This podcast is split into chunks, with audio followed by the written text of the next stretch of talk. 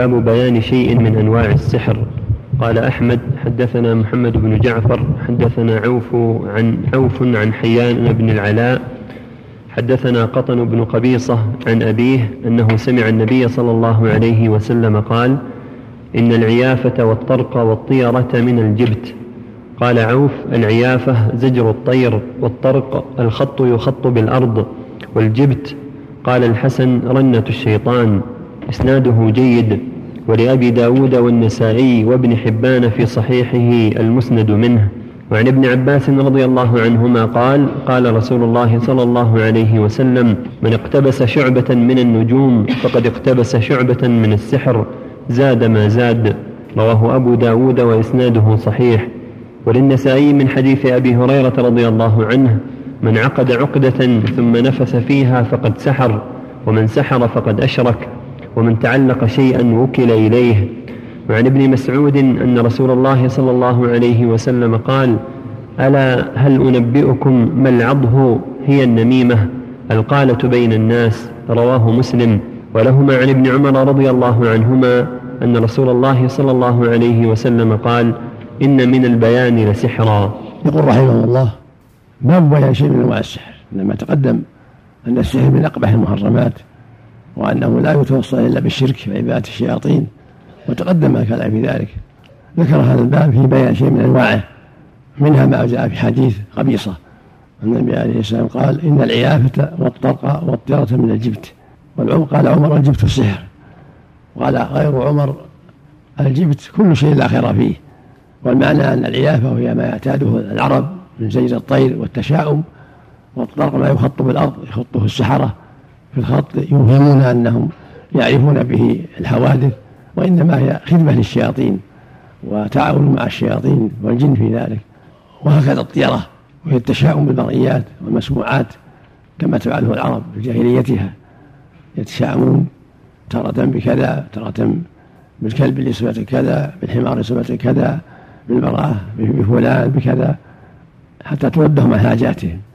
أخبر النبي صلى الله عليه وسلم أن هذا من الجبت وفي الحديث الآخر الطيرة شرك كما يأتي في باب التطير. الطيرة شرك الطيرة شرك فلا يجوز العيافة وهي التشاؤم بالطيور ولا الطرق ولا الخط في الأرض.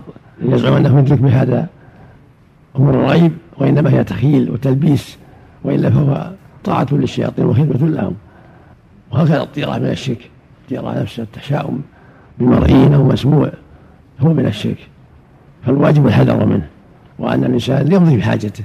حتى لو سمع صوت طير لا يعجبه أو رأى حيوانا لا يعجبه في الطريق يمضي بحاجته لا يتشائم يقول النبي صلى الله عليه وسلم لا عدوى ولا اضطراه ولا هامة ولا صرف كما يأتي إن شاء الله. فتشاؤم الجاهلية بالطيور أو بكذا أو كذا كله باطل لا لا أساس له وليس فيه شيء إنما هو ظن فاسد. فالمقصود من هذا أن المؤلف يبين أن هذه الأشياء من من جملة ما يتعاطاه. السحرة وهي زجر الطير والخطوط بالأرض والتطير كل هذا من أعمال السحر والعيافة نوع من الطير تتعلق بالطيور.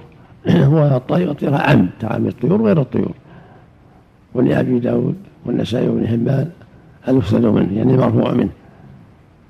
ليس عند زيادة قال العيافة زجر الطير والخط يخط الأرض. ليس هذا عند أبي أبي داود النسائي. وعن ابن عباس رضي الله عنهما أن النبي عليه السلام قال من اقتبس شعبة من النجوم فقد اقتبس شعبة من السحر. زاد ما زاد. يبين لنا أن تعلم النجوم من من جملة أنواع السحر. يكون يتعلمها ليستفيد منها في إصابة فلان أو شفاء فلان أو علم بالمغيبات. هذا من عمل السحرة. فالنجوم ليس عندها خير ولا شر ليس عندها علم بالمغيبات. الله خلقها لثلاث زينة للسماء ورجوما للشياطين وعلامات يهتدى بها. فليس عندها سوى ذلك. فتعلمها ليعلم يعني بها يعرف بها علوم الغيب هذا من عمل السحرة.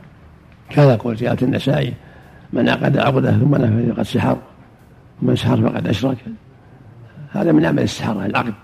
عقد الخيوط والنفث فيها لمقاصدهم هذا من أعمالهم. كما قال تعالى ومن شر النفاثات في العقد. يعقدون ثم يفعلون أشياء يزعمون أن أن هذا يتمم مقاصدهم ويحصل به المقصود مما يريدون بواسطة شياطين الجن.